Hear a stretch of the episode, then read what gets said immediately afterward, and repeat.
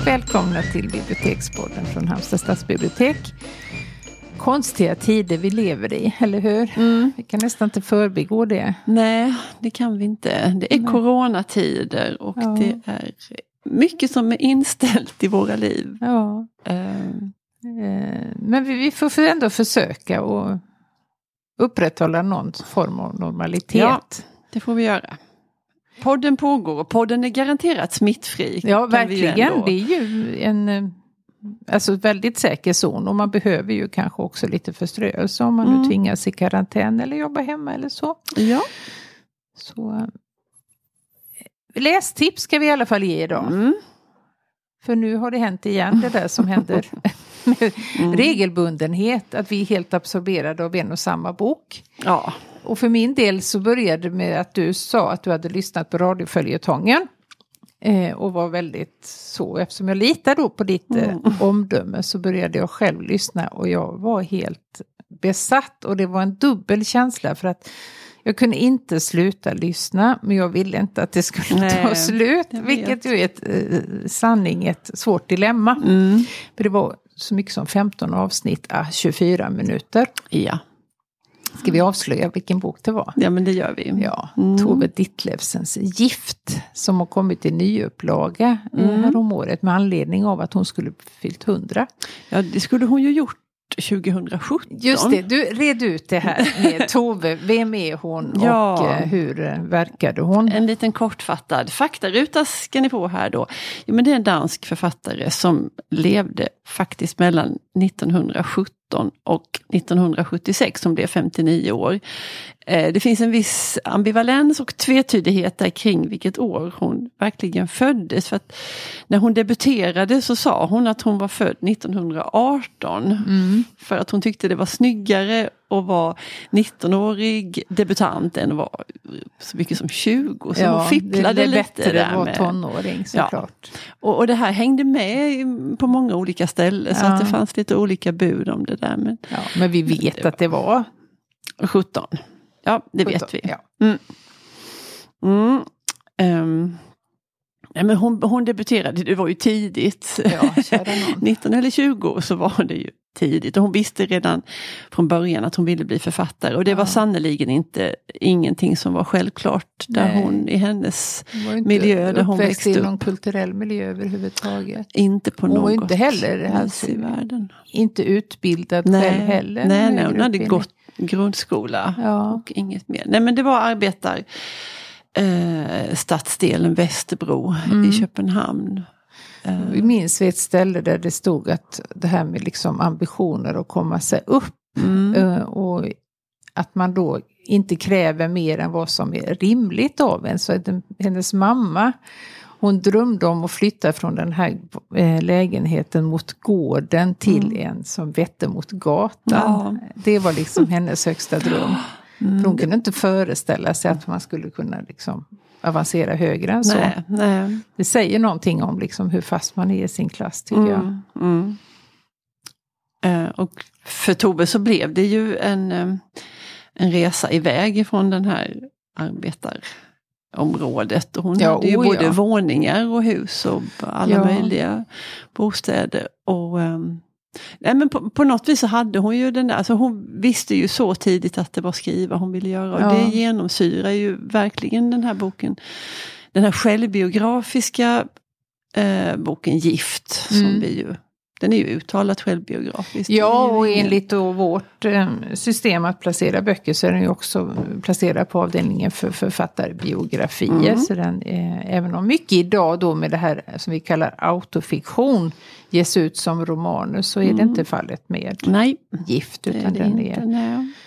egentligen tredje delen i en, i en, eh, hennes biografi. Ja. Men det är väl den som är mest känd och mest läst. Mm. Och väldigt Ja. eh, uppmärksammad och omtalad i Danmark när den Ja, kom. verkligen. Och nu, jag vet att jag läste hennes böcker på 80-talet, slutet på 70 början på Mm. 80-talet. Jag har ett helt gäng där hemma.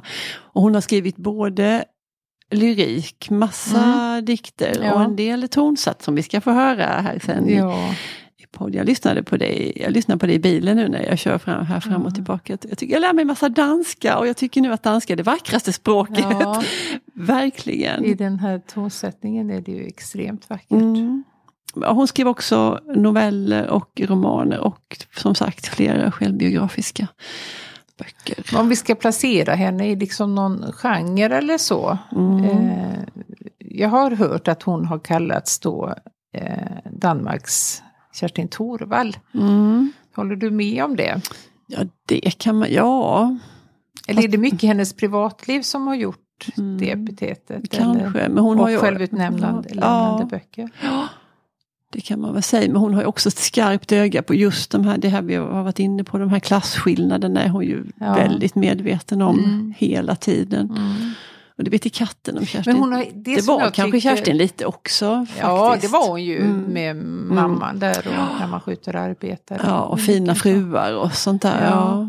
Men det jag tycker är intressant med Tove Ditlevsen är att hon har aldrig någon underlägsenhetskänsla utifrån sitt Nej. ursprung. Hon Nej. ber aldrig om ursäkt för vem hon är eller tycker att hon är mindre värd eller sämre. Nej. Eller ens en osäkerhet i, för hon umgicks ju resten av livet kan man ju säga Mm. i liksom mer eh, högre ståndskretsar. Och det framskymtar Mm. aldrig att hon tycker att det är någon, Nej. någon mindervärdeskänsla utifrån det. Jag vet inte om jag håller med dig om det. För, för jag, ser man inte det i alla fall? Att hon, att hon tvivlar på sig själv och att hon inte riktigt är så himla hemma i det där. Sen, sen gör hon ju det ändå. Ja, för jag tänker det är väl mer att hon tycker att de här kan inte ge mig någonting men hon tvivlar inte på sitt värde. Nej. Som jag kommer ihåg läsningen. Mm. För jag tänkte verkligen på det att det här kan ju inte varit så himla enkelt. Nej, var fick hon det ifrån i så fall? Ja. Nej, men just den här övertygelsen om att hon, hon kan, hon är Mm. bra. Och att det är viktigt att hon får skriva. Hon låter ju inte någonting komma i vägen för det. Bokstavligt talat. Utom på slutet. Utom på slutet. Ja. Ja. Eh, Men du, om, om vi, vad är det mer som vi tycker om med den här? För jag, precis som du så lyssnade jag med stigande fasa Mm. på boken för att jag insåg att den skulle komma att ta slut. Och sen skaffade jag den så då har jag parallellt också läst samma kapitel som jag har hört på Mm. för, att, för att inte missa någonting. Nej. Eh, Om för jag vi tycker, börjar med titeln så är ju den Ja. smått genialisk. Mm. verkligen, gift. Mm. Mm. Det handlar om flera äktenskap, giftermål. Ja, fyra. Fyra. Och ett narkotikaberoende Mm. som blir eh, nästan hennes död. Ja. Som, eh, mm, det är Petidin som hon faller dit på. Mm. Och den här läkaren som kan, hon lämnar ju sin man som hon har då, Ebbe, Ja, för att eh, komma, då gifter hon sig eller flyttar ihop först med Karl. ja. Tänker du att de här fyra äktenskapen så är det ju två män som hon inte eh, har några Alltså som hon inte är kär i utan Mm. gifter sig av andra anledningar. Mm. Och två av dem är ju verkligen himlastormande Ja, liksom passion och kärlek. Eh, så det är olika bevekelsegrunder. Mm. Men vi kanske ska ta det från början kan ta med det första från början. äktenskapet. mm. Med Viggo F. Viggo F. Viggo Och det F. ska man säga också att alla de här personerna som hon nämner, för oss har ju inte, det, vi vet inte så mycket om dem, men det är ju välkända personer i, Mm. de figurerar under sitt rätta namn. Ja, ja. Det gör de. Och även hennes barn har också och även hennes barn. de rätta Mm. namnen. Och Viggo F var ju då en känd eh, litteraturkritiker, Mm.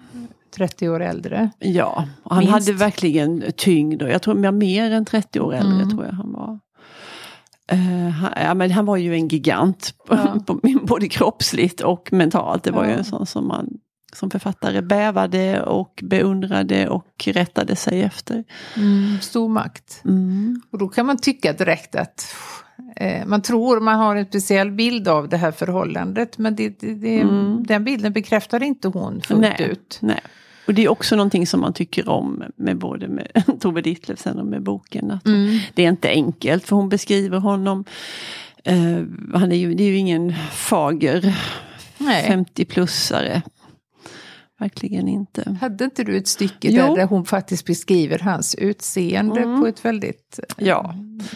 Nej, men för hon har ju humor, har vi inte sagt det tidigare så Nej, måste det ju gud, ja, sägas hon är ju nu. fruktansvärt rolig. Hon är så rolig och det är hon ju nästan på ett lite nedtonat sätt sådär. Ja, så, ibland fattar man inte ens att hon är rolig. Nej, men man sitter ändå med ett litet flin sådär. Ja. För, man, bara, ja, Men- för det är så, Mm. ja. Jo, men här, det här är i början av boken när hon, hon begrundar det här faktum att hon har gift sig med en så mycket äldre man. För då är hennes- hon ju liksom 20, Mm, ja, typ. och han är 50 plus. Ja. Ja, och hennes Precis. mamma har hejat på det här för mamman tycker ju det är bra om hon kommer i hamn. Och, ja, han är rik och mäktig. Ja. eh, Hon ska Sen visar det sig att han är jävligt snål Han är också. skitsnål. Eh, vi ska se vad jag skulle... eh, jo, hon beskriver de här, hur hur deras... De har ganska formaliserade dagar, vad de ska göra, hur det går till och vilken tid de ska stiga upp. Och, och han jobbar på något försäkringsbolag som han inte gillar. Han vill ju egentligen skriva recensioner på heltid. Mm. Men eh, nu sitter de där och tittar på varandra. När vi sitter mitt emot varandra och dricker kaffe läser han tidningen och då får jag inte prata med honom. Under tiden sjunker modet i mig som timglas sand. Jag vet inte varför. Jag stirrar på hans dubbelhaka som väller ut över stärkkragens kant och allting dallrar svagt. Jag stirrar på hans små magra händer som rör sig i kort, korta nervösa ryck och på hans kraftiga gråa hår som ser ut som en peruk eftersom hans rödmosiga släta ansikte borde tillhöra någon som är skallig. När vi, ja men det är roligt det Ja, där. visst, borde. Mm. Som om det Att det fanns liksom- någon liksom... Hur det skulle sett ut, att det Ja. inte passar ihop. Ja. Håret och ansiktet passar inte ihop. Nej. När vi till slut säger någonting till varandra är det små obetydliga saker. Vad vill han ha till middag eller vad ska vi göra åt springan i mörkläggningsgardinen? Jag är glad om man hittar något uppmuntrande i tidningen som den dagen det stod att man återigen kunde köpa sprit efter att ockupationsmakten hade förbjudit det under en veckas tid. Jag är glad när han ler mot mig med sin enda tand, klappar mig på handen, säger hej då och går. Han vill inte ha konstgjorda tänder för han säger att i hans släkt dör männen när de är 56 och dit är det bara tre år. Så varför dra på sig den utgiften? Ja. Ja. Nej, men det säger ju jättemycket. Man ser hela den här scenen framför sig. Ja. Hans enda tand. Alltså, ja, hon är ju sjukt snygg, Ja. eh, Tove. Ja. Det, det förstår man ju allt mer. Att hon Visst. verkligen... Ja. Och, och så liksom praktiskt sinnad så Ja. att alla dör vid 57 års ålder. Så det är ingen idé att, Nej, det är ingen idé. att skaffa sig löständer. Nej, väldigt fyndigt. Ja, Det finns massa sådana roliga, Ja. han och det här med snålheten, att han, han har en hel garderob full med massa malätna gamla kostymer Mm. som man inte kan skiljas ifrån.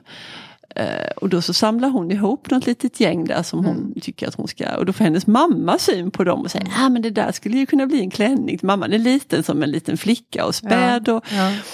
Eh, Så det skulle kunna bli flera klänningar av de här kostymerna. Så, ja, Och så, det blir det. Ja, det Och blir då tycker det. han, när han är där på besök, som de är ibland då, det är ju också en sån liksom, krock mellan två världar. För han pratar ju till dem som att de var eh, liksom, mindre vetande små barn. Han kan ju inte alls hantera Mm. Nej, liksom, nej, den nej. typen av människor. Ja, han Och då tycker han på. det är så konstigt att hennes mammas klänning, att hon har en klänning i precis samma tyg som hans. Starkt påminner om. Ja. ja. Det är roligt, men det är bara att vifta dem undan. Så Ja. Det är liksom inget Nej men trots det här då att man borde tycka att han eh, liksom utnyttjar henne på något Mm. vis så, så är, det ju, är hon ju boken igenom ganska lojal även om äktenskapet tar slut redigt fort. Mm. Så är hon ändå lojal liksom mot, hon tycker inte om när folk antyder Nej, någonting om nej. eh, nej, hon försvarar ju honom Ja. när det behövs. Och, eh, eh, Ja, nej, men, nej, men precis. Och det, det är väl bland annat det som man tycker om. Att hon, hon förenklar ingenting. Det är liksom inte svart eller vitt. Nej. Eller, Hon är inget offer. nej, hon är inget offer. Och, och han var visserligen mycket äldre och ganska ful. Men det fanns mycket som hon tyckte om och respekterade hos honom. Eh, Mm. Så det kan man liksom inte slarva bort. Och att han uppmuntrade ju hennes skrivande också. Mm. Och Mm. Även om hon var inte, det, för henne betydde det kanske inte så mycket för hon var ju så själv övertygad om sin egen förmåga. Men eh, han är, tog i alla fall inte det ifrån henne vilket han kanske Nej. hade kunnat göra. Sen ville han fostra henne att hon skulle läsa på om franska revolutionen. Men Ja. tyckte hon var svintråkigt Ja. så det slarvade hon rätt Så hade han rejält för med. läxförhör på kvällen. Ja. ja. Nej men de skiljer sig ju väldigt fort och då Mm. gifter hon sig ju snabbt med Ebbe. Ebbe. Mm. Och blir gravid också väldigt snabbt. Ja. Eh, Föder det här lilla flickan Helle. Mm. Men de har det ju, alltså det är ju lite stormigt men de har det ju ändå bra. Mm. Han, dricker för mycket. Ja. Eh, Men det, är inte, det verkar inte som att det är något jättestort problem. Det är mer Nej. att hon konstaterar det. Mm. Eh, Nej, men, och, och vad man ska genom hela boken också och, genom äktenskapen så är det ju det att hon verkligen vill skriva. Det är det Ja. hon vill. Hon, Mm. hon kan nästan avstå vad som helst. Bara hon, att det är en sån otroligt stark drivkraft. Ja. Men det kanske vi redan har sagt men det tål att Jo men det, är- det är upprepas. verkligen det. Ja. Och då, då är det ju den här händelsen att hon blir gravid igen när Helle är väldigt, väldigt liten. Hon är inte ens Mm. Ett år och hon får Nej. ju fullkomlig panik. Alltså hon håller ju på att dö av, liksom bara hela hennes varelse Mm. säger att det här går inte. Nej, och det, men det hänger ju också ihop med att hon hade, att efter när hon hade fött Helle så, så hade, ville hon ju inte ha något sexuellt umgänge Nej. med sin man. Hon fick ju jätteproblem med det Just det. efteråt. Ehm, och, och, men sen när det började ordna upp sig och det var frid och fröjd Ja. både i sänghalmen och överallt. Det var ju då hon blev gravid igen Mm. och då tänkte hon nu ska det här helvetet börja om. För han gick Mm. ju till andra då för Ja. han ville ju ha Precis. sex till Det hade jag varje faktiskt pris. glömt, men så var det ju. Ja, eh, och, och det var ett sånt stort hot. Det här att skulle det nu börja om igen om hon blev gravid igen Mm. och så skulle hon tappa sexlusten och så skulle han gå till andra. Men det var ju också väldigt mycket att hon inte ville ha ett barn till. Nej det ville hon ju inte. Nej. Men, också, men det, det var väl tveeggat det där för hon, de hade ju haft det jätte, jättejobbigt och hon ville verkligen inte tillbaka Nej. till det igen. Precis. Ehm, ja, nej men då ska hon ju leta upp någon som kan göra abort. Ja, och då Och det- blir man också påmind om Mm. hur det har varit för inte allt för länge sedan att faktiskt det var kriminaliserat Mm. med abort. Det är helt sjukt. Ja, och det var små lappar med adresser och namn Ja, och eh, olika mörka dekokter som Ja, cirkulerade precis. emellan. Ja, och mörka trappuppgångar och tips. Och, ja, Mm. Så hon gör ju lite olika försök innan Mm. hon till slut eh, träffar en eller får tag på en Mm. läkare som Mm. vill utföra det. Ja, Och då, det är då hon trillar dit på det här ja, förbaskade petidinet. som är en smärtlindring som Mm. hon får. Hon beskriver det att alltså, i samma Ah. sekund Mm. som den här sprutan går in så upplever hon en salighet som hon aldrig någonsin har upplevt. Nej. Och för att få tillgång till den Mm. Så lämnar hon då Ebbe hals över huvud och gifter sig med den här läkaren Karl. Karl som man förstår. Alltså det, hon beskriver hans utseende väldigt roligt också. Att han, han har 64 tänder i munnen istället för 32. Kommer du ihåg det? Ja då. Och han har rött tunt hår. Och är, alltså, mycket underlig typ. Ja. Eh, som alla förstår. Men det spelar ingen roll för han lovar henne tillgång till sprutorna hon ja. vill. Och det är det enda hon det är enda hon intresserad av. Det är, ja. Mm. Och hennes... Eh, han tycker ju inte om, för hon har ju fram tills dess så har hon är ju en jättesocial person. Hon Ja. har ju massa vänner. Ja. Och de bor nära varandra. Hon är van vid det här att de hälsar på, och de dyker Mm. upp och de blir sittande och de har små fester. Och, Jajamän. och flera av dem har ju barn och det flyter ihop. Och allt det där är hon ju van vid. Men det tycker inte Karl om. Nej. För han är ju helt oförmögen i alla Ja, sociala ja. Mm. sammanhang. Och då blir ju, hans underlighet blir ju ännu mer påtaglig i Ja. liksom, relation till andra. Ja, och så har någon av hennes bästa vänner där som säger, är han inte lite konstig? Mm, mm. Eh, Men det, hon tar liksom inte in det. Nej. För att det är... Och sen förstår man ju att hon blir fullfjädrad narkoman och han får leta efter blodkärl för att sticka in de här sprutorna. Och han, hur han använder de här sprutorna Ja. för att liksom Precis, ja, men just när hon, det, det är vid något tillfälle när hon vill gå iväg på någon fest och då så någon av de här skojiga tillställningarna ja. så säger han, ja men blir du hemma om du får en spruta? Ja, säger ja, jag förvånat. Precis. Det var någon, av de första gångerna. Liksom, det, det, här kommer ju, fast vi som, som läser och lyssnar, vi, vi ser ju vart det barkar. Men, mm.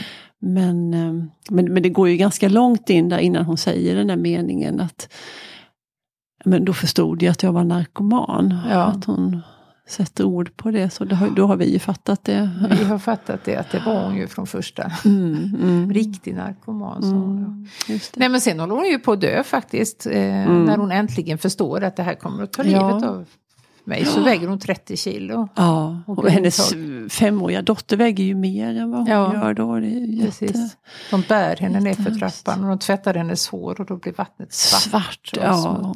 Fatta vad hon har försummat. Mm, och mm. Då har de ju, de har det ganska gott ställt då. Ja.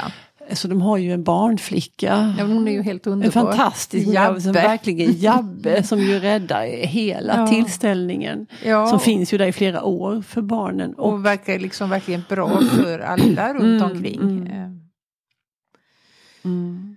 Ja, men då kommer hon ifrån och då träffar hon aldrig mer Rickard. Men då har hon ju tre barn hux flux. Mm. För att då har de adopterat ett barn som han är pappa till. ja. Som mamman inte ville ha. Hur det gick till det får man inte riktigt nej, det, klarhet i. Det, det, plötsligt är det bara tre. Och sen fick de en son också den här Mikael då. Så tre barn. Mm. Men hon tillfrisknar med en del återfall får man ju ja, säga. Men det är också en väldigt, jag tycker om den skildringen med den här läkaren som hjälper henne där. För hon, ja. hon söker ju faktiskt hjälp själv. Hon, ja. hon fattar ju att det här inte... Precis. Och då är, det, då är det ju faktiskt mer skrivandet än barnen. Som, ja. Att hon har fler böcker att skriva och därför vill hon, hon förstår ju att det håller på att gå. Tycker också, aldrig läst egentligen tror jag en sån eh, skildring av abstinens som Nej. hon ger eh, utifrån det här sjukhuset, hur mm. fruktansvärt det är. Mm. Eh, och de, de spänner ju fast henne, mm. så hon ligger liksom fastspänd mm. och, och, allt det här ska ur hennes system. Precis, och de ger henne, hon får det ju till att börja med, hon får det ganska glest och mindre och mm. mindre doser. Hon bara ligger och räknar. Varje minut är ja, som ett tills, år. Ja, precis. Smärtor och ångest och allting. Ja. Så det, det, är ingen vacker skildring men sen känns ju väldigt trogen. Otroligt. Och, och sen när hon börjar då, när hon ändå är nästan igenom det här, när hon börjar få röra sig lite där på sjukhusområdet. Mm. Och, och jag, nej men jag, tycker, jag, jag tycker om de här, den skildringen där, både med de här sköterskorna och ja. den här läkaren som är så... Och han är ju, han är ju verkligen... Han invaggar ju inte henne i någonting annat, för hon är ju så himla glad då, för då nu är jag frisk. Ja. Och då säger han så här, det är nu det svåra börjar. Ja. Ehm. Att en av tusen säger han. Mm. kommer ur det här och du mm. kan vara en av dem. Jag tror, alltså, han vill ju inte ta ifrån henne hoppet Nej. heller. Men han är ju inte, han låter sig ju inte duperas när hon verkligen Nej. får återfall. Och, det också, och kommer du ihåg den scenen när hon, hon ska gå och köpa sig en kappa? Hon har ju inte köpt kläder på många, många Nej. år och det är vinter. och hon är har, stora. Precis, och hon har bara en tunn kappa. Hon ska gå iväg och köpa sig en, en tjockare kappa. Och mm. När hon får gå ner på stan och ska göra det och när hon får syn på det där apoteket. apoteket jag tycker det är som så... symboliserar allting ja. med sina hon beskriver det så detaljerat, hur det lyser där inne och det här att hon, det här oerhörda suget. Mm. Och att, att hennes hjärna också börjar liksom tala till henne att nej men om mm. du bara tar två om dagen. Ja. För hon har ju lärt sig att det är väldigt lätt att förfalska recept. Ja, visst. Det verkar ju vara... Det, det, det verkar vara en barnlek. Det, det bara klippa sönder ett papper och skriva lite. Ja. Och hon Helt. har ju, då skriver hon Karls namn och... Mm. Um. Uh. Nej, och sen är det ju igång igen då. Eh, mm. Precis som då slut igen. Men så träffar hon ju i alla fall den här siste mannen ja. då. Som mm. jag fast inte kommer ihåg vad han heter. Och var det Viktor? Viktor var det, ja just det. Mm. Eh, och de är ju... Alltså det är ju också någon konstig symbios dem emellan. Mm. På grund av hennes missbruk och hennes psykiska ohälsa mm. resten av livet. Men mm. de lever ju ändå tillsammans ja. livet ut och bor i en stor åttavåningslägenhet. Och han mm. är chefredaktör för någon uh, tidning. Och... Mm. Så, men eh, till slut så tar hon ju, lyckas hon ju med ett av många. Självmordsförsök. Ja, Självmordsförsök. för det blir ju, även om hon inte håller på med just Petidin eller så är det ju tabletter och sprit så småningom Ja, som hon det. missbrukar. Så Det det här med missbruket kommer hon ju aldrig ur Nej. faktiskt. Ehm, nej men jag kommer tänka på, det finns en annan scen, som, eller eh, nå- något kapitel där när hon, kommer du ihåg det? Nu vet jag inte mellan vilka äktenskap, men när hon bor ute på landet med den här väninnan Ester. Ja, Ehm, det är när hon fortfarande är gift med Ebbe. Ja, men då ska de vara ifrån varandra ett tag. Ja. Nu minns jag inte riktigt varför. Nej. Men det var något som var bra, hade de tänkt ut. Och väninnan Ester har plötsligt tillgång till, hon ska passa ett hus ute på landet. Mm. Så då, då, då hänger Tove med henne ut där. Och då har hon ju sin dotter Helle, så de tre. Mm. Och, och jag tycker det är som en lycklig parentes Ja i hela det, hennes de liv. lever så där. helt utanför. Det här är ju också under krigsåren. Mm. Vilket inte framkommer sådär jättetydligt. Nej, nej, nej. Men han är motståndsman i alla fall. Just det. eh, Ebbe.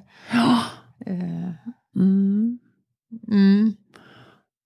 Ja, nej men det, där är det verkligen frid och harmoni och hon får Ja. skriva och det är de här vardagliga sysslorna. Ja, och de äter när de är hungriga och ja, sover när de är trötta. Och skriver hela tiden annars Ja, och cyklar iväg när de behöver något. Och, eh, mm. Mm. Ja, nej men det är en fantastisk bok. Eh, Ja, det är det. Och inspirerade av den här radioföljetongen som vi har hört på då, där, där det också eh, var, när ni har lyssnat färdigt på podden så kan ni ratta in och lyssna på de här eh, uppläsningen av den här boken Gift. Mm. Och där är det också inte tryfferat med, men där finns musikinslag Ja. lite då och då. Eftersom Tove Ditlevsens dikter i många fall är tonsatta.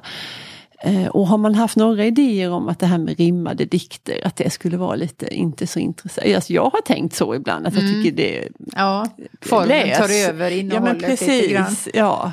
Eh, Att jag inte har intresserat mig så himla mycket Nej. för de här formbundna nej. dikterna. Men de är ju jätte, jätte, jättefina. Mm. Så nu spelar vi en liten stump Mm. av en dansk sångerska som heter Jeanette Ahlbeck som sjunger Så tar mitt hjärte och det är en tonsatt dikt av Tove Ditlevsen. Mm. Här kommer den. Så tag mit hjerte i dine hænder Men tag det varsomt og tag det blidt Det røde hjerte, nu er det dit Det slår så roligt, det slår så dæmpet For det har elsket, og det har lidt. Nu er det stille, nu er det dit. Og det kan såres, og det kan sejne. Og det kan glemme og glemme tit. Men glemmer aldrig, at det er dit är så starkt och så stolt mitt hjärta Det sa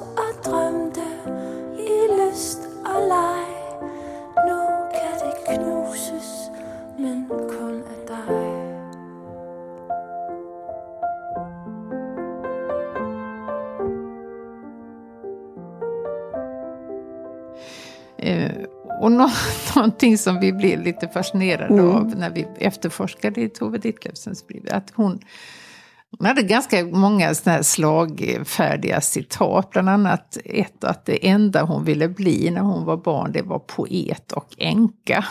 och det uppfylldes ju. Ja. Eh, och sen ville hon absolut, hon ville ju dö, hon, alltså hon Mm. tog ju livet av sig. Men hon tyckte det var så tråkigt att inte få läsa liksom, eh, nekrologen. Så därför så skrev hon den själv. ja, för att vara på den säkra sidan. För att vara på den säkra Mm. sidan. Och den säger så mycket om henne tycker jag. Jag kan inte läsa den ordagrant men jag kan berätta vad den handlar om. Ja men gör det. Eh, I texten beskriver hon då sin alltför tidiga död, att hon trots den har hunnit skriva ett tjog böcker. Mest betydelsefulla var hennes hågkomster i vilka hon med skoningslös ärlighet berättade om de män hon delat bord och säng med. Och hon trodde då att äldre köpenhamnare kom nog ännu ihåg hennes spröda gestalt som likt en poesins blå blomma rört sig genom staden och spridit solsken i sinnen. Dödsfallet beskrev hon som en stor förlust för dansk litteratur. Hon undrade varför denna geniala kvinna aldrig hade fått akademins pris. På hospitalet hade de annars beskrivit henne som en stillsam och kravlös patient. Och det är så, alltså man förstår ju att hon har ju varit absoluta motsatsen Mm. till det. Ja, nej Ja. men Ja, men, men väldigt, och hur många har gjort något sånt? Nej. Så, nej. Det är typiskt Tove Ditlevsen. ja, det är någon sån galghumor, ja, verkligen, det, ordets ja, rätta bemärkelse. Sannerligen, ja. Mm. Vi får nog läsa mer Tove Ditlevsen känner jag. Jag Absolut. fick ett sånt himla sug. Det är ett nu, sug. du. Ja. Mm. Måste stillas. ja, det ska det. Men för idag så säger vi nu tack och hej. Tack och hej!